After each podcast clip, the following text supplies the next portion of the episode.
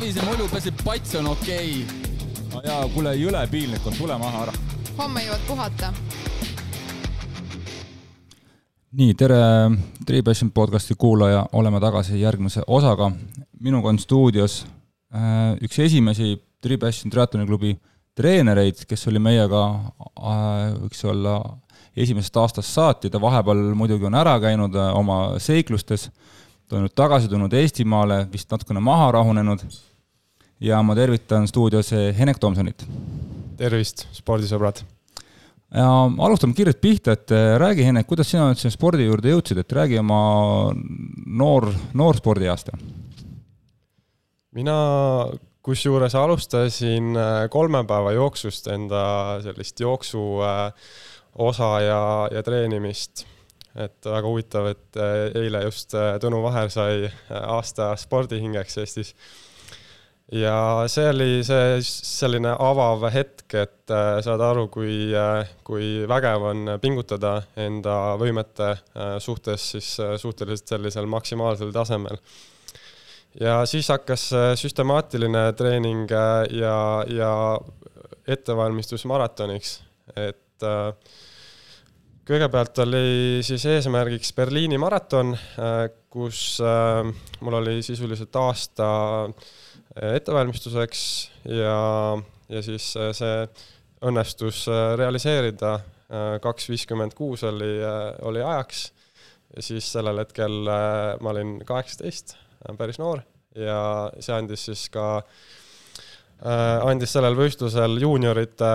vanuseklassis kolmanda koha, et medal saadeti pärast koju. see on päris hea, päris hea tulemus jah, juba esimese korra kohta. oled sa pärast seda veel maratoni jooksnud või? Ironmani sees. okei okay,, ehk siis kaks, kaks, kaks, kaks, kaks maratoni. jah. jooksid, jooksid maratoni ära, miks sa, miks sa rohkem ei jooksnud?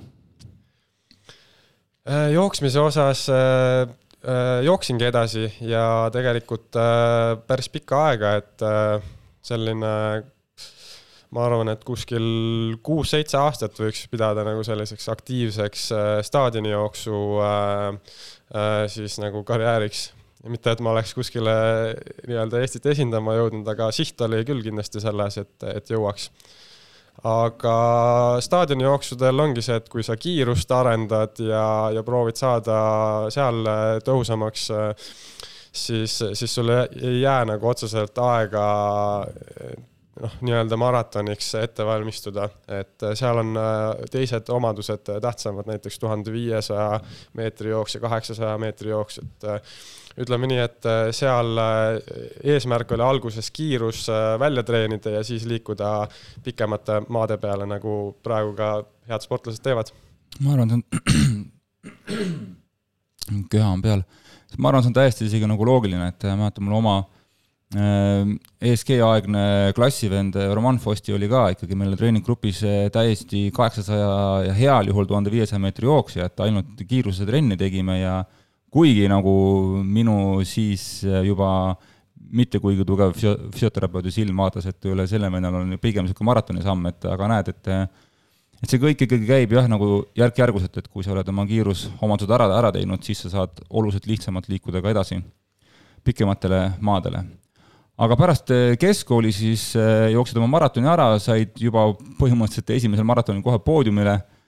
liikusid edasi Austraaliasse, räägi mulle sellest natukene, et eh, mis sa seal Austraalias tegid, peale selle, et sa seal mingi farmides käisid, aga mis seal muul ajal tegid? jah, Austraaliasse läksin siis kaks tuhat kümme sügisel ja, ja siis eesmärgiks oli näha maailma, et selline kogemus saada kuskilt kaugelt ja ma läksin üksinda sinna, et siis see oli veel lisa selline äh, seiklus. Äh, aga vabal ajal jah, farmides olin tööl küll, aga siis, kui tekkisid need augud sinna sisse, siis ma läksin kõigepealt vihmametsadesse võtsin ühe giidi endale, kes, kes siis näitas mulle, kuidas mägedes seal liigutakse ja siis oli selline üllatusmoment oli see, et päris palju ohtlikke loomi on ikkagi Austraalias, et äh, ühel hetkel mäletan seda, et äh, ronisime sellest kaljunukki, kus, kus peal oli üks suur püüton tuli vastu ja siis ma vaatasin küll, et selle püütoni sisse mahuks ise ka ära vabalt ja lisaks need äh, äikesetormid ja, ja üldse selline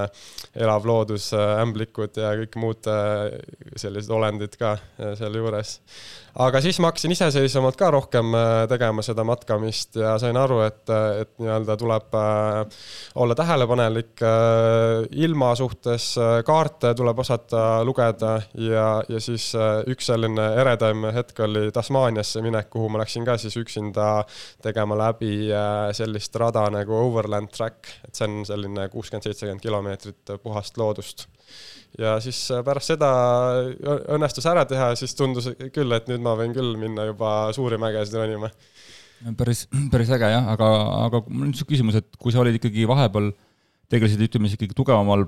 tugevamat nagu jooksuga, staadionijooksuga, siis vahepeal käisid nagu matkamas, et kas see kuidagi vaimselt nagu mingi rusuv ei olnud, et, et sa ühtepidi oled nagu mingisuguseid niisuguseid äh,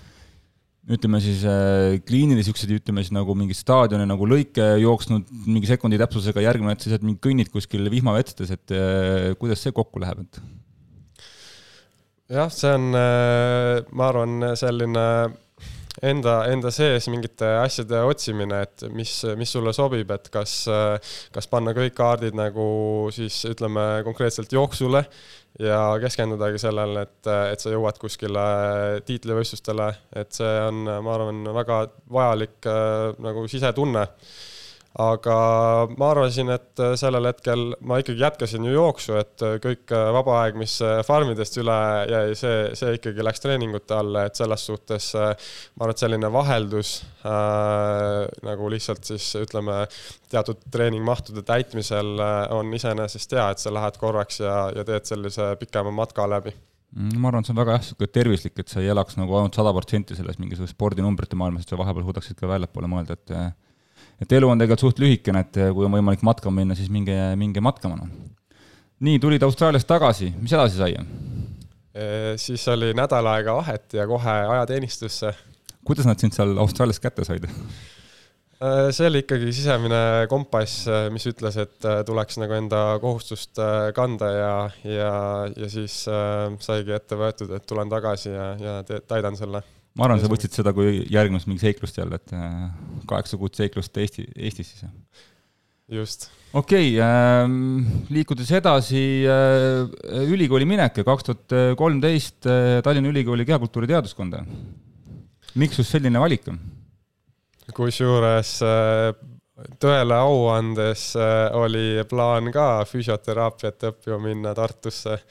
ja sain ka sisse, aga siis olid need elulised valikud, et äh, oli treener siin, oli siis tollane elukaaslane siin ja nii edasi, et, et äh, see otsus saigi sellele tuginedes tehtud, aga tagantjärgi väga hea otsus oli. ei, ma arvan ka, et ei maksa asju nagu kohetseda. aga nüüd see ülikooli äh, baka siis tegelikult äh, kolm aastat, äh, aga sinul kestis see siis äh, viis aastat või? Et sa vahepeal suutsid jälle seiklema minna, et, et seal on juba jõuame sinna aastatesse umbes, kus hakkas ka Passion for Adventure nagu sündima ja ses mõttes oled sa meile väga sihuke huvitav kuju, et sulle meeldib ka nagu seigelda. nagu, nagu meilgi alguses oli. et eh, kaks tuhat kuusteist siis uus, Uus-Meremaale minek, et miks sind sinna jälle viidi? No võib-olla ma räägin eelloo ka siis ära, et äh, kaks tuhat neliteist läksin äh, Hispaaniasse ja siis mul olid ikka väga suured äh, eesmärgid sportlikult ka, et ma läksingi Hispaaniasse sellise visiooniga, et nüüd ma lähen mägedesse ja see linn, kus ma siis elasin aasta, oli Granada, äh, mis on äh, Sierra Nevada lähedal, kus on sellised kolme tuhande meetrised mäed, kus praegused äh, olümpiatipud, Blumenfeld näiteks treenibki seal kõrguslaagris, ise käisin ka kohapeal seal vaatamas, et kuidas need tingimused on ja, ja oli ju päris põnev, põnev koht. Äh, ja siis äh, jah, mu enda vorm oli ka väga hea sellel aastal äh, selles suhtes, et juba tulid kolme tuhande meetri jooksu, mäletan, sisehallis oli kaheksa viiskümmend viis, et tuhat viissada, ma arvan, et oli ka selline alla nelja minuti oli juba jalas, aga siis paar kuud hiljem sellest tuli üks suur vigastus, tuli kannakõõluse vigastus ja, ja siis sellest äh, nii-öelda väljatulek ja taastumine nagu lõi natuke rütmi sassi. aga sellel samal aastal äh, siis äh, üks, üks äh, tuttav võttis ühendust ja, ja ütles, et kuule, et läheks Uus-Meremaale. siis ma ütlesin, et noh, jalg oli nagu katki, et noh, mis sa siin ikka jooksed enam. et siis ütlesin, et no ma kandideerin sinuga koos ja, ja siis äh, saigi tehtud see protsess läbi ja, ja siis äh, lõpuks oli niimoodi, et sõber ei saanud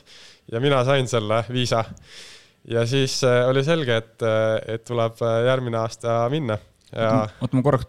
peatan sind kinno, Hispaanias sa mainisid mulle ka Movistari profirattatiimi ja, ja sellist tegevust seal, et too korraks sellest ka veel paar näidet sisse jaa, et seal õppides äh, tegelesime ikkagi spordiga. Minu jaoks äh, natuke teisel, teise nurga alt, et äh, seal oli siis võimalik spetsialiseeruda jalgrattaspordiõpingutes ja, ja siis seal oli meil õppejõuks oli Movistari tehniline direktor tollel ajal, Mikkel Sabala, väga tugevad teadmised äh, sellest, äh, sellest alast. Äh, ja siis tema nii-öelda õpilane siis sellel ajal oli Ruben Russafa, kes on mitmekordne Xterra maailmameister ja, ja väga nagu võimekas sportlane. ja ta kutsus teda meile loengutesse ja kutsus koos treenima ja, ja siis äh, seal, see oli vist esimene niisugune kord, kus ma tõsiselt mõtlesin, et, et triatlon on vist ikkagi päris äge ala, et, äh, et saab nagu äh, head vaheldust treeningutesse ja, ja siis äh, koos treenides oli ka see tunne, et vahepeal oleme mägedes, sõidame rattaga, siis lähme jookseme, siis teeme ujumist, et noh, kõik see, kõik see mitmekesisus oli väga-väga selline motiveeriv kas siis võiks isegi öelda, et sa nagu esimesed niisugused päris rattatreeningud tegid Hispaanias või? Ei, ma ikkagi olen lapsest saati rattaga sõitnud, aga lihtsalt ma ei ole kunagi teinud seda sellise eesmärgiga, et saada rattas kiireks. ei, ma just nagu mõtlengi seda, et kui sa, kui sa olid Eestis, kas sa tegid nagu rattatrenni ja oli sul siis mingisugune nii-öelda kindel ratas olemas, et ratas oli olemas äh, ja, ja selles suhtes äh, ikkagi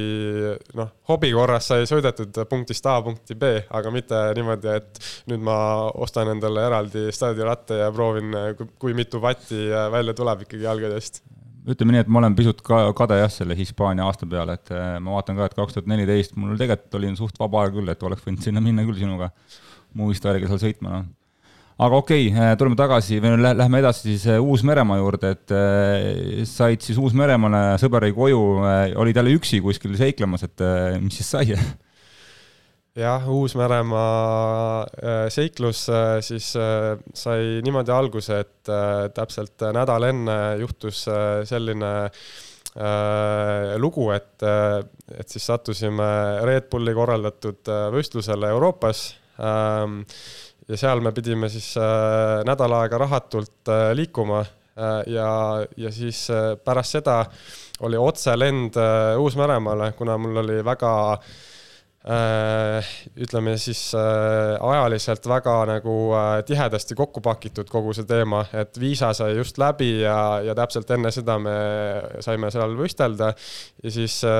oligi viimasel päeval, kui viisa veel kehtis, ma jõudsin Uus-Meremaale riiki sisse ja, ja siis, äh, kuna see eelmine seiklus oli just vahetult lõppenud, siis mõtlesin, et äh, no, et ei ole paremat aega alustada uut seiklust kui, kui nüüd ja, ja siis oligi see, et ma olin muidugi eeltöö ära teinud.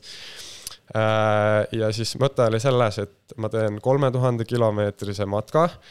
ja ma teen seda ka, siis proovin ilma rahata läbida Äh, ja, ja siis, äh, siis see on nii-öelda põhjatipust lõunatippu, et kaks saart, Uus-Meremaa on äh, selles suhtes piklik selline riik, saareriik ja siis eesmärgiks oli jah, läbida see siis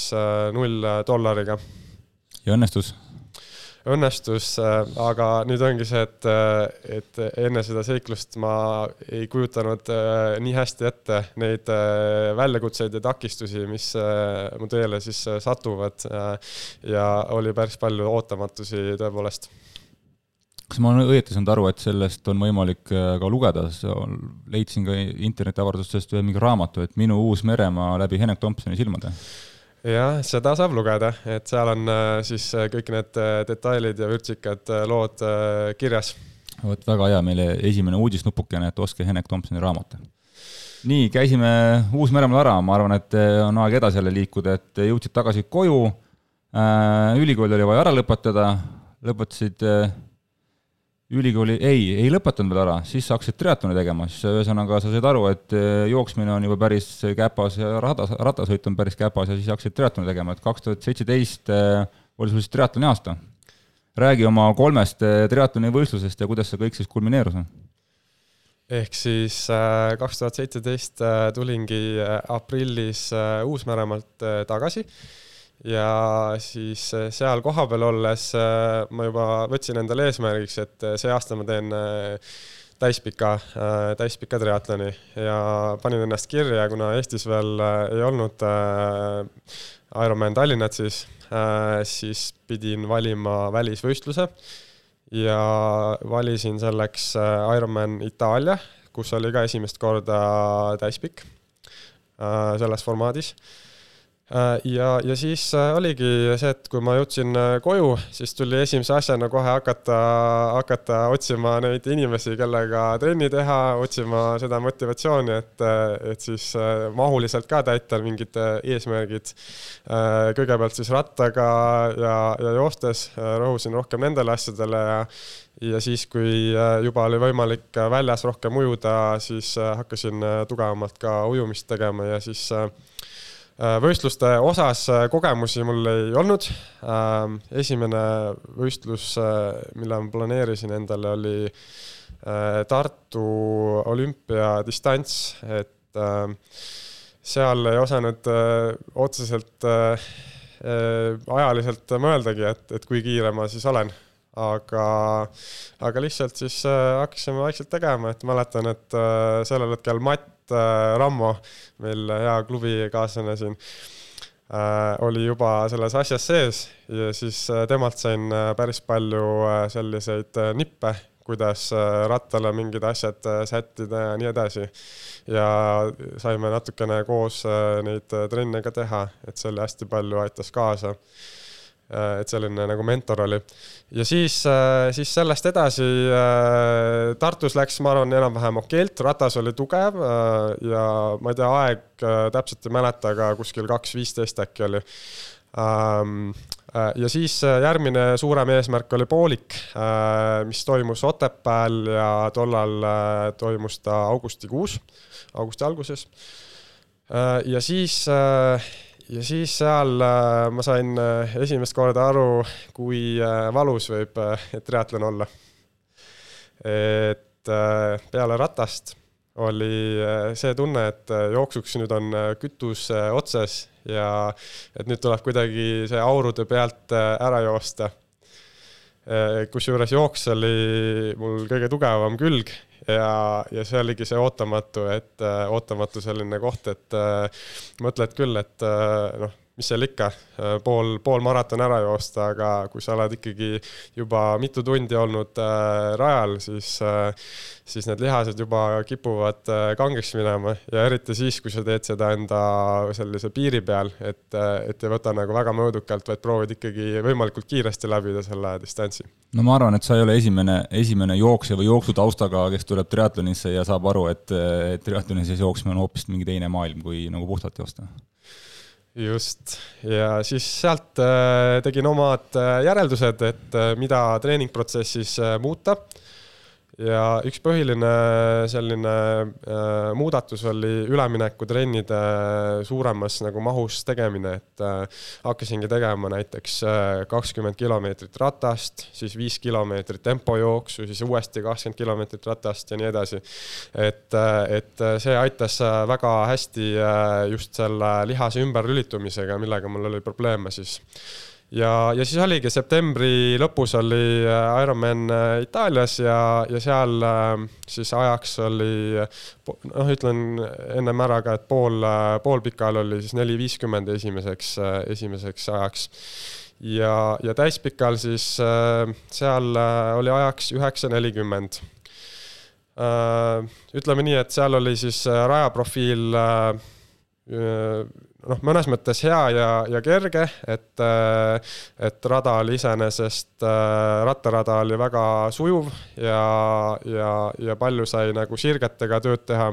aga samas seal oli ka poole peal, äh, mõlema ringi siis poole peal oli üks väga suur tõus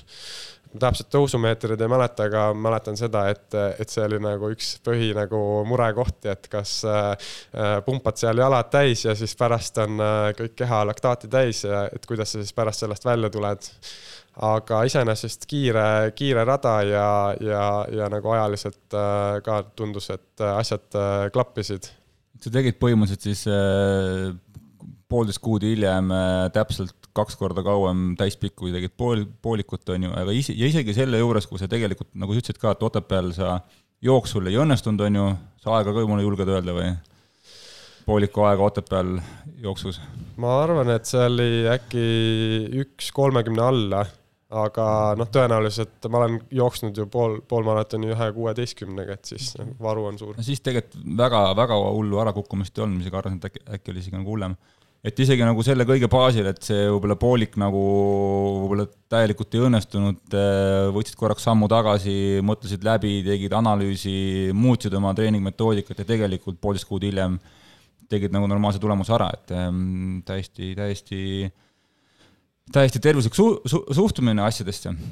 nii äh,, triatloni hooaeg sai läbi, miks sul viimaseks jäänud on?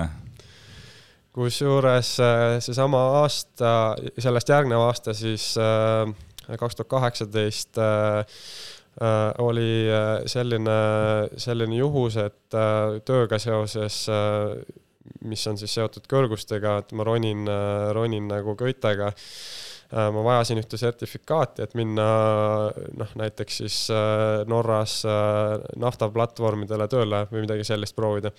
ja siis ma pidin tegema tervisetõendi selleks ja siis avastati mul südametöös mõned, mõned häired elektri siis ülekandes ja seetõttu ma pidin hakkama käima lisauuringutel ja see tõmbas nagu natukene korraks pidurit äh, selle spordi tegemisega, et äh, arstid ei soovitanud ka nüüd äh, kohe niimoodi hakata võistlussporti väga tugevalt tegema, et aga noh, hiljem siis selgus, et tõenäoliselt käis mingisugune põletikuline nähtus südamest läbi ja see jättis siis vastavalt oma jälje mm. -hmm. tegelikult on jällegi väga, väga hea näide sellest, et enda te,, enda tervist tuleks kontrollida regulaarselt, vähemalt kord aastas käia spordiarsti juures, lasta need EKG-d teha, koormu, koormustestid teha, et ikkagi, et eh, ise ei pruugi tunda, sest et noh, keskmine triatleet on kogu aeg väsinud ja nagu näljane, et sa ise ei pruugi tunda, et sul midagi nagu valesti on, et nagu on siin näha oligi, et uuringud ära, väike puhkusetsükkel vahele ja tegelikult elu saab edasi minna aga mm, siin varsti hakkame pool tundi juba täis tiksuma meil, et eh, võtame ette veel viimase aspekti, enne kui me jõuame sinu treeningmantrate ja sinu treeningsoovituste juurde, on siis eh, sinu kokkupuude Nor-, Norraga, et sa oled seal kaks korda käinud, räägi sellest ka natukene. Kõigepealt siis eh, selline kõige pikem aeg oli, oli mul äh, Norra ülikoolis, et ma käisin äh, Norra Teadus- ja Tehnoloogiaülikoolis kaks aastat magistris. enne seda olin, olin Husky giidiks Põhja-Norras Arktikas ja see oli ka üks selline ekspeditsiooni mõttes hea ettevalmistus, et kuidas kohaneda külma kliimaga ja kuidas ronida mägesid ja lisaks äh, see töö ise ka, et äh, töö iseloom oli sihuke seikluslik, et tegeled turistidega ja, ja, ja koertega samal ajal mm,. päris, päris põnev, et sisuliselt ma vaatan seda, sul seda aja, aja nagu tabelit siin, et äh, kümne aastaga sa oled elanud rohkem, kui mõni inimene elab terve eluga, et igasugused seiklused, asjad, erinevad töökohad eri, erinevad oskused, mida sa tegelikult teha oskad, et ähm, ja nüüd äh, tulles nüüd siis äh, praeguse elu juurde, et äh, millega sa praegu tegeled? praegu põhiline fookus on siis triatlonil, sest see aasta ma tundsin, et ma tahan seda tööd teha täie südamega ja keskenduda sellele, et ma suudan neid inimesi aidata, kes, kes on minuga koostööd alustanud ja, ja lisaks noh, muidugi see ei ole ainuke asi, millega ma tegelen, tegelikult äh, õpin ka molekulaarset äh, biokeemiat, mis on äh, magistri tasandil siis praegu. et ikkagi pidi kuhugi ülikooli veel, veel, veel minema, jah? lisateadmised. okei okay. Ehk siis äh, treening Focus on äh, Heneku nii-öelda platvorm, äh, kus temaga saab siis ühendust võtta erinevatel treening, treening teemadel. Aga tulles nüüd siis ähm, põhiteema juurde, millest me täna tegelikult tahaksime rääkida, on siis ähm, Heneku niisugused treeningmantrad. Ja mul on niisugune tunne, et ma neid siin sirvisin ka ja lugesin neid läbi, et äh, need ei ole niisugused, äh, vähemalt nagu minu silmis ei olnud niisugused klassikalised copy-paste kuskilt õpikust maha võetud, et treenime nii ja nii ja nii, nagu ma siin igalt poolt mujalt loen ja ka ütleme, podcast ides kuulen vaid siin on nagu tundub, et inimene on äh, enda jaoks mingisugused valemid äh, välja mõelnud ja, ja nende järgi ta, nende järgi ta nagu tegutseb, et äh, alustame siis, et esimene mantra, tutvusta seda. No esimene mantra on minu silmis selline soorituse valem. vahel ma kutsun seda treeningpirukaks, et sellel põhjusel, et seal on kolm peamist komponenti, lõigukest Äh, ja, ja see valem äh, siis koosneb täpsemalt äh, füüsilisest võimekusest, see on siis number üks, number kaks tehnikast ja number kolm taktikast. Nüüd, kui me alustame koostööd sportlasega, siis tuleb füüsilisele võimekusele lisaks rääkida natukene nendest kahest teisest ka, et äh, tehnika all ma siis äh, pean silmas äh, kahte põhilist asja, et üks on siis biomehaaniline pool, mis tähendab liigutuste üldse vilumus ja see, kuidas sa kinesteetiliselt enda, enda siis keha suudad tunnetada ja teine pool tehnikas on äh, siis äh, vastavalt äh, selline materiaalne tehnika, et rattal aerodünaamika ja, ja ujumises kas või kalipso selline hüdrodünaamilisus ja, ja siis, äh, et neid äh, asju ka natukene treeningus ikkagi tuleb puudutada, sest võistluspäeval on äh, palju stressi ja palju muid asju, millele mõelda, et siis, siis ei taha enam võib-olla tegeleda ja, ja uurida, et kui palju ikkagi rehvil peaks rõhku olema ja nii edasi, et need tuleb kõik treeningus läbi rääkida või enne, enne võistlust läbi rääkida. ja siis taktika all, mida ma silmas pean, on konkreetsemalt siis äh, näiteks äh, võistlustingimustes, äh, mida sa mis kiiruse sa valid näiteks, see on üks valik, siis on võimalik kindlasti ka konk-, konkurentide mõttes vaadata endale kedagi sellist, kes on sarnase kiirusega ja, ja näiteks hoida teda siis nii-öelda silmis ja lisaks on äh, seal taktikaliselt äh, sinna alla kuulub veel selline asi nagu strateegia toitumise osas, et mis, mis on sinu keelivalik ja kui palju sa neid tunnis näiteks tarbid, et need asjad on samamoodi, kui sa lähed katse-eksitusmeetodiga võistlusele proovima, siis võib minna hästi, aga võib ka väga halvasti minna ja siis see emotsioon on nagu selles suhtes päris keeruline läbi elada, sest sa oled valinud selle põhivõistluse võistluse näiteks ja siis, kui sa sinna lähed katsetama ja saad selle halva emotsiooni, siis sa võib-olla ei tahagi teha enam seda ala. jah, selles mõttes ma, ma olen nagu nõus, et et eks siin iga, iga, iga harrastaja panustab äh, enamasti noh, ühte-kahte sellest, et kas ta nüüd kolme kõige korraga panustab, see on nüüd, äh, see on juba, näitab, et inimene on ikkagi väga nagu valmistunud selleks, et minu kommentaar oleks siin jah, et eks võib-olla niisugust tehnikale panustamist on suht palju, eriti just sellele, ütleme siis nagu materiaalsele poolele, et varustuse poolt kokku ei, kokku ei hoita, aga kui nüüd tuleme, ütleme tagasi kõige, ma arvan, elementaarse asja juurde, nagu näiteks taktika on, on ju, et eh, milliste kiirustega, millise enesetundega, millise nii-öelda nagu võistlusplaaniga sa peale lähed, siis ma arvan, seal ma näen hästi tihti võib-olla kahte, kahte niisugust põhilist poolt, et on inimesed, kes lähevad ebareaalsete eesmärkidega peale, tõmbavad ennast esimese, esimese võistluspoolega ikkagi liiga, liiga punasesse, liiga võlga ülejäänud võistluskäik tegelikult on niisugune vaikne hääbumine üritad seal ennast kuidagi keeledega seal nagu turgutada, aga tegelikult sa oled juba endale nii palju teinud juba haiget, et sealt enam välja ei tule. eks tegelikult niisugune nagu kannatlikkus ja tagasihoidlikkus võistluse esimene pool tegelikult tagab sulle selle nagu eduga nagu teine, teine pool ja kes on teine pool, on tugev, on, on tegelikult ka nagu lõpptulemus on oluliselt parem. või on siis ka siis eh, teine pool, ütleme, sportlastest, kellel siis nad nii-öelda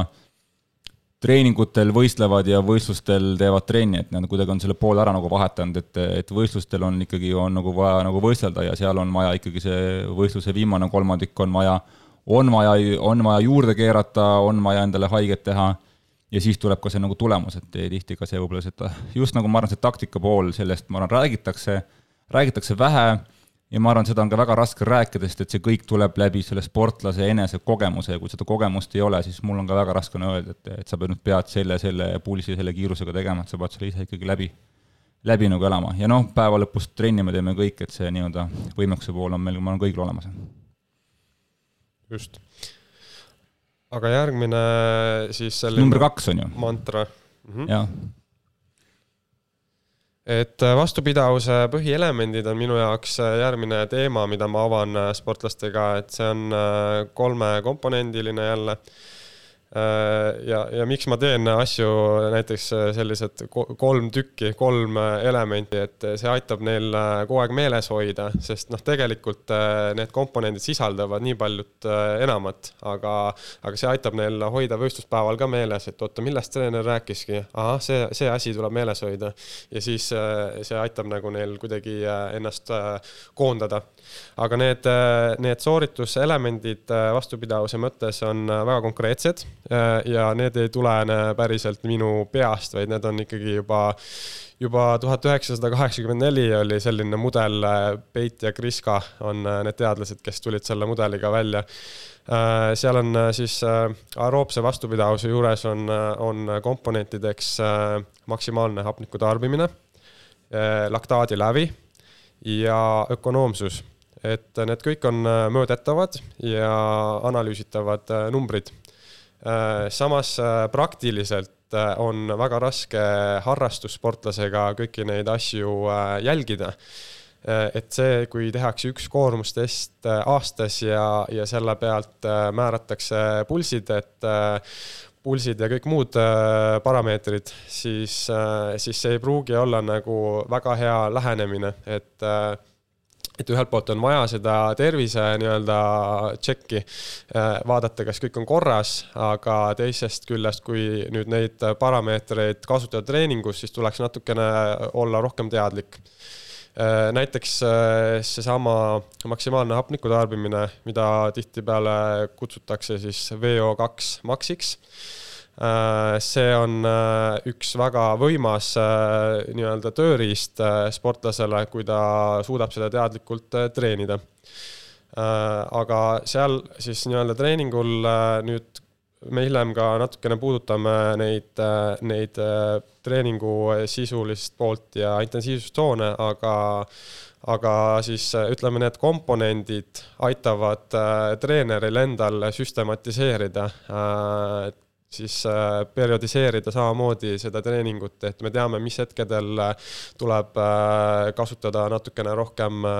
võib-olla jõutreeningut, mis hetkedel kasutada rohkem mahulist treeningut, mis hetkedel siis intensiivsust rohkem lisada, et see kõik on selles loogikas siis kinni mm. -hmm mul siin koha pealt väga mingeid jah, kommentaare pole, et need vastupidavuselemendid on tegelikult äh, äh, selged. liigume edasi. jaa, et äh, kolmas printsiip on treeningu põhielemendid siis, et siin tegelikult võiks öelda kolm, jällegi kolm sellist põhiasja mis on siis,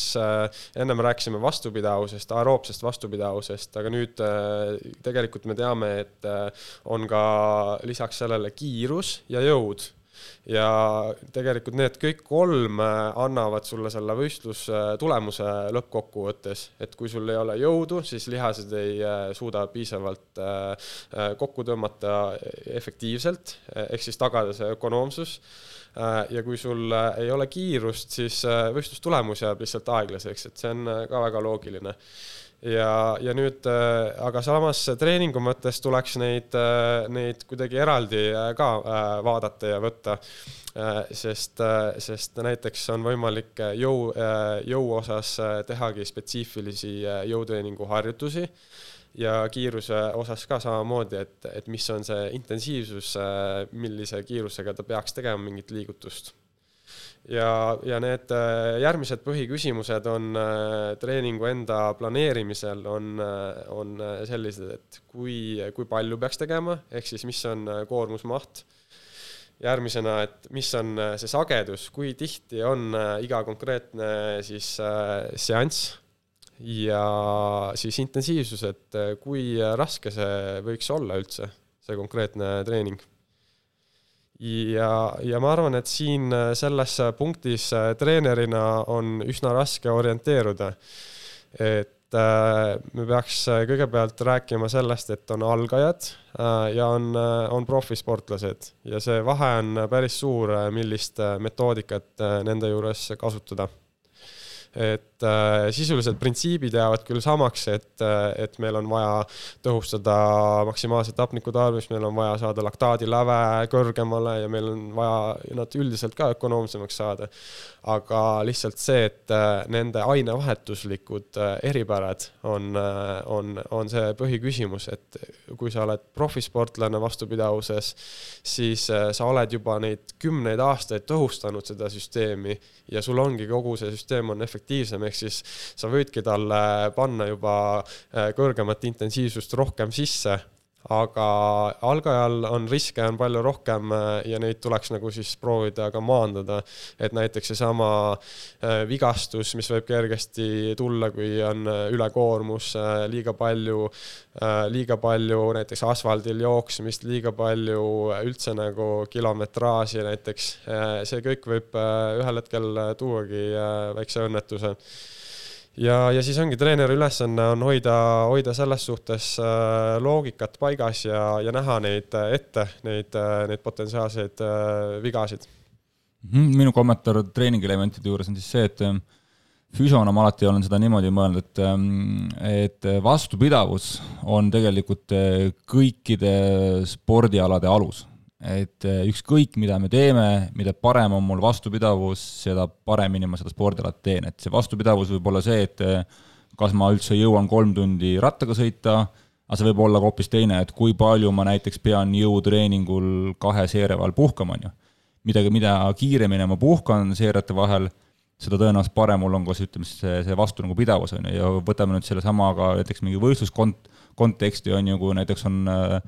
ütleme, no Otepää tüüpi rattarada, siis eh, kui mul on parem vastupidavus, siis ma taastun tõusu järel eh, palju kiiremini ära, ma saan edasi sõita jälle oma, ütleme, tavapärase nagu võimsuse juures. et ma arvan, et see kohati on ka, mida võib-olla esimese aasta omad võib-olla äh, ma arvan, liialt võib-olla unustavad ära vahepeal, et see kõik maailm keeleb ümber vastupidavuse ja kui sul seda sa ei arenda ja seda sul on natukene puudujääk, siis sealt seda nagu tulemust ka ei, ka nagu ei tule et see vastupidavus on kõikide asjade alus. Äh, ja samas mingitel aastatel ma arvan, et äh, ei peagi väga midagi muud tegema, et piisab täiesti vastupidavustreeninguks, su keha muutub, äh, su ainevahetus muutub, sa muutud ökonoomsemaks ja läbi selle sul see tulemus ka paraneb, et sa ei, sa ei peagi neid kõiki elemente hakkama nagu mõjutama korraga. Aga sealt edasi minnes, kui nüüd see vastupidavus on juba teatud nagu tasemele saadud ja sealt nüüd edasi minna, siis ma ütleks, et niisugune saavutussport kus me räägime ikkagi nagu teatud kindla aja, aja nagu saavutamiseks või siis isegi minu eesmärk on võit, on ju, siis niisugune jõud ja kiiruslikud omadused on siis, mis siis äh, annavad siis selle nagu tulemuse, et, et nii-öelda ütleme siis selle nagu tulem, tulemusspordis annavad ikkagi jõud ja, jõud ja kiirus, ehk siis et äh, nendele, kes on võib-olla treeninud juba kolm ja rohkem aastat ja tunnevad, et niisugune kerge platoo on käes ja siis minu esimene küsimus on, et kas sa jõutrenni teed, on ju, ja enamik on seal vastus, et ei, mulle ei meeldi jõusaalis käia, noh.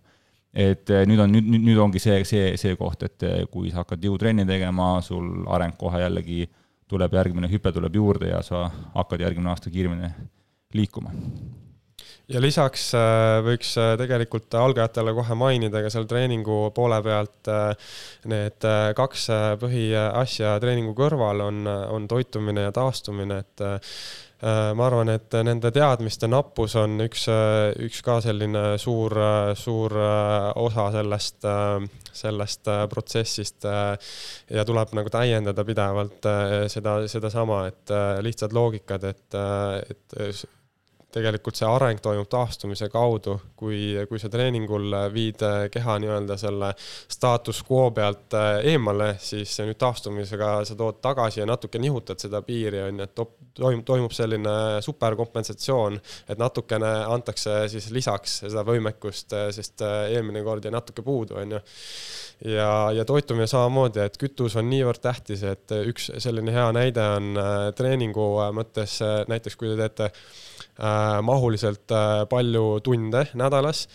ja te ei saa piisavalt äh, süsivesikuid, siis äh, võib juhtuda see, et äh, keha lähebki nagu defitsiiti sellepärast, et lihtsalt ei ole neid lihtsaid elemente, mis, mida keha kasutab reaalselt siis kütusena just, just intensiivsematel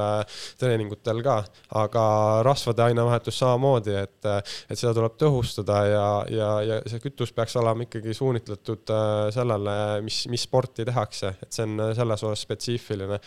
et triatlon triatlonis on kindlasti süsivesikud on äh, palju tähtsamad äh, äh, nii-öelda siis toidu, toiduainete grupid, kui, kuivõrd siis rasvad ja, ja valgud, kuigi ka nende osakaal võiks olla nagu proportsioonis mm. -hmm, ma olen täiesti nagu nõus, et vastupidavusspordis süsivesik on A ja A ja O, et kui sa hakkad süsivesikut piirama, siis sellel nagu pikka, pikka pidu ei ole, aga jah, jah, nii-öelda siis jõuame lõpuks ikkagi, ikkagi sinna, kus üks teine külalise siin, külalise siin nagu alustas, et kes ütles, et ei no trenni oskab iga rumal teha, et, et õpi parem puhkama, õpi, õpi, õpi parem magama, aga noh, treenerina, kui sul tuleb uus, uus inimene tuleb sulle ja sa hakkad talle rääkima, et tegelikult peaks nagu puhkama ja, ja sööma, siis ta ütleb sulle, et kuule, ma olen terve elu puhanud ja söönud, et ma pa-, ma palkasin sind selleks, et sa, et, et sa, et sa mulle trenni teed, et et siin võib kohe tekkida niisugune väike nagu mingi tõrge treeneri vastu, et et eh, jah, et inimesed tahavad, et, et ikkagi treeningplaan peaks olema piisavalt nagu, piisavalt raske ja mul peaks olema iga, iga, iga trenn ikka raske, et, et kes selle puhkamise ja söömise peal ikka siin viitsib siin väga nagu mõelda, et küll see nagu tuleb, et aga jah, ses mõttes jõudsime jällegi ikkagi tagasi sinna, et peaks nagu puhkama ja, puhkama ja sööma. nii, jõuame mantra number nelja juurde jah, otsapidi see lähebki ka kohe selle eelmise teemaga kokku, et äh, järgmine, järgmine selline printsiip on, äh, on siis intensiivsustsoon.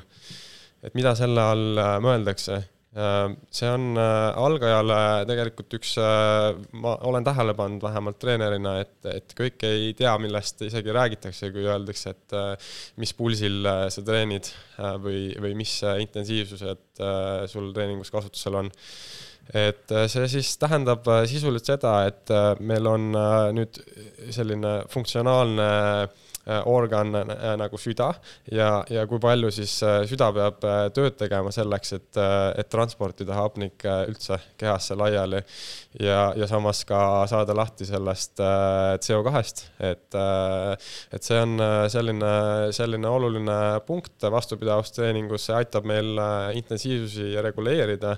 aitabki meil kergetel päevadel hoida treeningut kergena ja samas, kui on vaja äh, pingutada, siis, äh, siis sa tead, et millest sa lähtud. ainult võib-olla enesetunde põhjal saab ka treenida, et siin hea näide on ju Johannes Tingnes-Pöö, kes väidetavalt pulsivööd ei, ei, ei kasuta aga samas äh, ma näen, et algajal on, on see niivõrd palju lihtsam äh, hoida nagu just pulsse madalal, et kõrgele on seda lihtne saada tegelikult, natukene kiiremini liigutada. Ja tihtipeale inimesed, kes üldse alustavad jooksmist, neil on, neil ongi kohe see pulss äh, seal üle keskmise, et siis ongi see, et treener ütleb, et taseme natuke tuleb hoogu maha võtta aga nendest tsoonidest äh, me võime rääkida ka natuke konkreetsemalt äh, just ma arvan, et räägime need natukene lahti, et võib-olla, et kust need tsoonid nagu tulevad, et, et miks need tsoonid, ütleme, millega nad nagu seotud on ja, ja miks siis on ikkagi oluline, et ma pean mingis tsoonis mingi, mingi aja nagu tegema, et miks on see oluline, et ma pean tegema baastreeningut siin tsoonis ja intensiivtreeningut pean tegema siin tsoonis? Kõigepealt, kui ma üldse alustan sportlastega koostööd, siis me teeme tavaliselt paar testi et äh, üks äh, test on näiteks äh, maksimaalse pulsi test, kus tüüpiliselt nemad jooksevad viis minutit. see on, jooks on kasutusel sellepärast, et jooksus on kõige suurem koormus südamele võrreldes näiteks ujumise või, või rattaga triatloni kontekstis. et see on natuke seotud selle gravitatsiooniga ja meie püstise keha olekuga Äh, et väga head ratturid suudavad ka, ka rattal saada maksimaalsed pulsid äh, kätte, aga see eeldabki, et sa oled äh, juba väga kaua harjutanud. Ja nüüd jooksus, kui me seda maksimaalset pulssi siis mõõdame, siis selle kaudu me saame hiljem siis määrata treeningi intensiivsused ja tsoonid Äh, ja siis ongi äh, tegelikult äh, viis sellist põhitsooni on päris tavaline, et kella, üldiselt kellaplatvormid pakuvad ka sulle viis sellist aeroobset põhitsooni. ja, ja siis põhimõtteliselt need on protsendid siis maksimaalsest ehk siis äh, arvutuslikult saabki öelda, et näiteks seal äh, mingisugune intensiivsus on üheksakümmend protsenti, kaheksakümmend protsenti ja nii edasi, on ju. Äh, ja nüüd, kui sa need tsoonidesse sätid, siis see annab meile võimaluse natukene ainevahetuslikult mängida selle, selle kütusega, mida siis teatud tsoonis keha rohkem kasutab, et nüüd koormustestides ja sellistes spetsiifilistes testides, kus mõõdetakse hapniku tarbimist, seal me saame vaadata seda, et millise pulsi ja kiiruse juures äh, kasutatakse näiteks äh, rasvasid, rasvhappeid. Ja samas äh, me saame ka vaadata seda, et kui läheb Äh, läheb intensiivsemaks see koormus, äh, siis mis hetkedel on süsivesikud äh, maksimaalselt mobiliseeritud. Ja see loogika ongi selles, et madala intensiivsusega põletatakse rasvu ja mida kõrgemaks läheb intensiivsus, seda rohkem läheb ainevahetus süsivesikute peale üle. Ja see on väga tähtis loogika just vastupidavusspordis, kus me tegelikult ei suuda selle maksimaalse süsivesikute tarbimise peal hoida, see on umbes VOMAX intensiivsus. Äh, VO2 max siis. Äh, aga kui nüüd äh, sinna vahele saada enda, enda sooritus rasvade ja süsivesikute vahele, siis tõenäoliselt sa ei äh,, ei, ei pane üle ja, ja suudad säilitada enda, enda siis võistluskiirust ja need tsoonide mõttes, äh, kui me räägime, et nüüd esimene tsoon ja teine tsoon on, äh, on äh, näiteks rasvade ainevahetus rohkem tõhustab, siis ja siis näiteks neljas-viies tsoon on see, kus võiks olla kõige suuremad muutused, näiteks laktaadiläves ja ja siis äh, samamoodi siis süsivesikute ainevahetuses, siis äh, nende loogikate järgi saab äh, efektiivselt ka treeningpäevade lõikes äh, sättida äh, intensiivsusi. Et äh, näiteks tüüpiline asi, mida me teeme, on see, et kuidas kuidas me sätime üldse treeningud, on, on see, et tuleb näiteks äh, raskele päevale tuleb, äh, järgneb siis taastav treening, kus ongi kerge intensiivsus, rasvade ainevahetus samas tõhustub, et siis ei tasugi sportlasel ära unustada, et isegi kerge treeninguga sa suudad äh, endal ensümaatiliselt näiteks, ütleme, rasvade ainevahetuses on ka, on, on teatud transporterid, on teatud ensüümid, mis tegelevad sellega, et üldse viia see lihasesse. Ja, ja kogu see protsess vajab ka täiustamist ja seda ei saa teha ainult kõrge intensiivsusega, seda seda, seda tulebki teha madala intensiivsusega, pikad aeglased paaritunnised äh, matkad ja, ja madala pulsiga tööd, et need on absoluutselt vajalikud osad. ja, ja siin me ennem ka natukene korraks arutasime, et, et äh, just äh, nendel algajatel kipub ära ununema see, see hea printsiip, et, et tippsportlased teevad kaheksakümmend protsenti suurusjärgus, et siia-sinna, kaheksakümmend protsenti teevad madala intensiivsusega tööd ja umbes kakskümmend protsenti on selline üle laktaadi läve, üle selle piiri, kus teil võistlus oleks et äh, see on, see on selline hea nagu äh, mõõdik, et kui sa suudad enda treeningud hoida sellises äh, tasakaalus, siis ma arvan, on, on nii, nii ainevahetuslikult kui ka soorituse mõttes on, on asjad paigas. ja nüüd ainuke asi on selle juures see, et, et tippsportlased, kui nad treenivad tuhat tundi aastas, siis nende kaheksakümmend protsenti ongi kaheksasada tundi ja see kakssada tundi, mis sealt üle jääb selle kõrge intensiivsusega, noh, see ena, enamikele inimestele, kes on algajad, ongi ka üle võimete, aga see ei tähenda, et nad peaksid äh, lülitama rohkem, rohkem äh, seda kõrget intensiivsust sisse enda treeningutesse, vaid see lihtsalt tähendab seda, et see proportsioon võiks su peas olla paigas, et kui palju sa teed ühte ja teist. jah, ma olen täiesti nagu, täiesti nagu nõus, nõus sellega, et niisugune nii-öelda taastav või, või, või nagu rahuliku intensiivsusega treening on, on, on tihti oluliselt väärtuslikum, kui arvatakse, et eh, ma olen ka paar korda elus mingeid ülekoormuse sündroome läbi, läbi elanud ja antud siis ka nagu soovitused, et sa pead ikkagi nüüd nii kas kuu või kaks või kolm ikkagi väga rahulikult võtma, siis eh, no eks see algul on nagu veits nagu tüütu, aga lõpuks sa nagu harjud sellega ära, et rattaga sõitmine pulsiga sada kuni sada kaks, kakskümmend ja, ja sa mingi, ja see mingi hetk tunned, kus sa mingi kuu pärast tunned ennast järjest nagu paremini, paremini, paremini, et nüüd ma mõtlengi, et kui ma nüüd seda poleks teinud, siis eh, edasi nagu teinud kõrge intensiivsusega treeninguid, siis oleks nagu hoopis nagu teistmoodi. Ja nagu füso, füso seisukohalt, eh, mida me ka tihti nagu räägime, et nii-öelda siis kasutegur tervisele on äh, nagu mitmeid kordi suurem madala intensiivsuse treeningu puhul ja see kasutegur tervisele hakkab järjest nagu vähemaks minema, kui sa hakkad tegema kõrge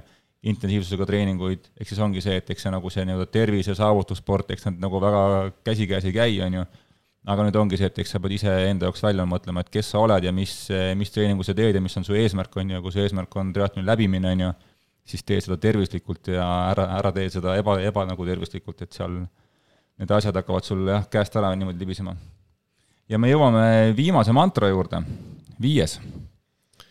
ja viies ehk viimane on äh, periodiseerimine. Äh, see tähendab siis sisuliselt ajastamist aasta lõikes, et võib ka muidugi hooaja mõistes seda võtta, aga siis aasta lõikes periodiseerimine tähendab seda, et mingitel tsüklitel on oma eesmärk, et seda võib seada siis nii, nii mikro, meso kui ka makrotsükliteks võib seada terve aasta, et siis äh, äh, üks konkreetne selline tsükkel võiks olla näiteks kuu aega ja siis seal on selle sees on enne pakitud neli nädalat. Ja nüüd, kui me hakkame selle peale mõtlema, et, et mis on koormuste selline järk-järguline tõstmine, siis, siis ongi võimalik näiteks kolm nädalat tõusvas joones liikuda koormustega üles, siis tulla ühe nädala Äh, ühe nädalaga uuesti alla ja siis äh, järgmisel tsüklil liikuda koormustega äh, natukene kõrgemale kui, kui esimese tsükli ajal. et loomulikult päriselus kõik ei lähe nii lineaarselt, et lihtsalt koormus läheb ülesse ja kümne tunni pealt inimene jõuab siis kahekümne tunni peale nädalas, et pigem on ma näen, ma näen seda, et just harrastajatel on, äh, kuskil on see piir ees, kust äh, enam ei ole mõtet väga palju rohkem tunde panustada sellesse. et äh, siis on nagu mõistlik kuskilt kvaliteedi pealt vaadata, et mis, mis, mida saab paremaks teha, et kas tehnikat saab lihvida ja näiteks jõudu lisada rohkem või, või mis on see hea nagu strateegia. aga loomulikult selles suhtes periodiseerimine on, on natukene mm, väga kogemustel selline põhinev asi, et äh, et ühelt poolt inimese enda kogemus, teiselt poolt treeneri kogemus, et mida ta on näinud, et mis statistiliselt äh, töötab, et kui treeneril on äh, kümme õpilast ja, ja kaheksal nagu toimivad mingid asjad ja, ja kahel ei toimi, on ju, et siis siis äh, tulebki küsida, et miks neil ei toiminud, et, äh, et äh, kõik inimesed ei reageeri ka sa samamoodi koormusele, et seal on väga oluline see tunnetus, et sa tead, et millal tõmmata tagasi ja mitte forsseerida seda plokki nagu läbi selleks, et lihtsalt need numbrid kätte saada no ma arvan, et siis selle kahe viimasega tuleb siis koostöö lõpetada, et eh, kui ei tule, ei tule. ei, tegelikult see on, eh, tegelikult see on hoopis nagu vastupidine et mulle meeldib see mõte, mõttemaailm, et kui sul on kümme, kümme inimest, eh, ütleme oma, oma nagu töös ka, et kui mul on kümme, kui mul on kümme õlapatsienti ja kaheksa ma suudan kolme korraga terveks teha ja, ja kaks tükki nagu ei parane nagu, siis ma olen ikka, mul on ikkagi nagu challenge kohe, et mis mõttes sa ei parane, et mis sul, mis sul siis nagu viga on et selles mõttes ma olen jah nõus sellega, aga, aga anna üks kiire nagu ülevaade ka, et mis sa ise arvad, kas, mis on parem siis, kas kolm pluss üks nädala süsteem või, või kaks pluss üks või, või, või kümme päeva pluss neli päeva või, või üksteist päeva pluss kolm päeva või mis on need nagu variandid on, et ma ise nagu tunnetan seda, et kui sa harrastussportlastele, kellel on neid muid faktoreid elus nii palju, mis võivad nagu pekki minna päeva, päeva jooksul või nende nädalate jooksul, et kui sa teed talle niisuguse väga jäiga kolm pluss üks nädala süsteemi, siis see enamasti ei õnnestu jaa, ma nõustun äh, selles osas, et äh, meie tüüpiliselt äh, planeerime siis aastat üldse niimoodi, et on kaks kuud on vastupidavuse plokk, siis tuleb kuu aega jõuplokk ja siis uuesti vastupidavuse plokk et äh, ühelt poolt on äh, see hea nagu selline äh, fookus sportlastele, et nad teavad, et nüüd see kaks kuud ma keskendun sellele, et ma saavutan mingid, mingid eesmärgid, mingid mahud ja siis peale seda ta saabki natukene puhata sellest väga suurest siis nii-öelda pingutusest, et teevad rohkem kiiruslõike ja teevad rohkem sellist, sellist tööd, mis on seotud võistlusspetsiifikaga. ja siis nad lähevad jõutreeningusse üle, siis, siis nad teevad seal näiteks kolm korda nädalas sellist maksimaaljõutreeningut mida meie kasutame suhteliselt palju, aga noh, teiste sportlaste kogemusi ma ei oska nagu selles osas öelda, et, et see on äh, väga efektiivne treenimismeetod, äh, aga samas jällegi on riskid ka kasvavad sellega, et kui sa teed midagi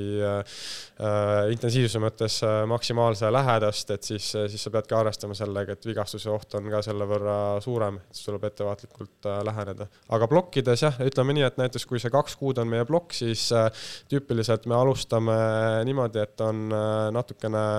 rahulikum nädal äh, ja liigub niimoodi intensiivsuse mõttes ülesse, et siis näiteks selle kaheksanda nädala lõpuks on neil võib-olla kaks või kolm intervalltreeningut, et see ei pruugi tähendada seda, et nad peavad nagu mingi ülikõrgel enda intensiivsusega olema, aga see tähendab seda, et, et proportsioon nagu treeningutes on, on suurem. ja siis peale seda tulebki selline jõuplokk, kus nad mõnes mõttes ka taastuvad sellest, mis nad vastupidavuses on sooritanud no väga, väga nagu lihtne, jah ehm, viimane küsimus, ma arvan, me hakkame otsi kokku tõmbama, et eh, sinu ehm, soovitused taastumisel, et taastumisele kas üks puhkepäev nädalas, kuus mingi pikem puhkeperiood, ehm, aastas mitu pikka puhkeperioodi võiks teha? üldiselt nädala lõikes on üks puhkepäev hea. Samas äh, me tihtipeale lisame äh, enda sportlastega lisame, lisame siis äh, mingi alternatiivse tegevuse, et kas sa lähed äh, matkama või sa lähed äh,, sa lähed näiteks äh,, teed joogaseansi, et äh, mingisugune alternatiiv, sest noh, osadele inimestele noh, neil ei ole vajalik vajalik see täielik äh, nullpäev, vaid äh, nendel äh, keha ikkagi midagi tahaks teha, aga lihtsalt anda üks teistsugune liikumisviis. ja, ja siis aasta lõikes, mida ma olen tähele pannud, on see, et, et inimesed väsivad küll hooaja lõpuks ära ja, ja tekib selline mentaalne väsimus ka asjadest, et võib-olla füüsiliselt ei olegi seis niivõrd halb, aga mentaalselt nad on noh, teinud suvel mega palju trenni, et on äh,, suvel on mahud üsna suured ja siis see võistlushooaeg saab läbi, et siis, siis, siis ma tunnen küll, et nad vajavad natukene sellist äh, kuuajalist akent, kus, kus on nagu kergemad asjad ja, ja siis äh, sealt edasi vaatame, et kuidas äh, alustada uuesti. ma olen ka täiesti nõus, et äh, kord aastas ikkagi lasta täiesti äh, keha niisugune regenereerumine peale, noh, midagi liigutada, käia matkamas, mängida sulgpalli, teha midagi muid asju üldse, et ähm, et see mõjub äh, vaimule ja kehale nii hästi, kui sa lõpuks siis hakkad jälle trenni tegema, kas siis talvel, siis sul on nagu energiatase on sul nii palju kõrgem ja sära on jälle silmis ja ja sa vead, sa vead niimoodi suveni kindlasti paremini välja. Aga ma arvan, siinkohal me lõpetame selle osa ära, ma arvan, et me Henekuga kohtume veel kunagi, sest neid teemasid siin on lahata küll, et kas võtta siin mingi lihtne element, kas või öko, ökonoomsus ette, mis on triatloni puhul üli nagu oluline ja hakkame seda siis tulevikus nagu lahkama. aga aitäh, Henek, et tulid, järgmise korrani ja The Repression podcast siinkohal lõpetab.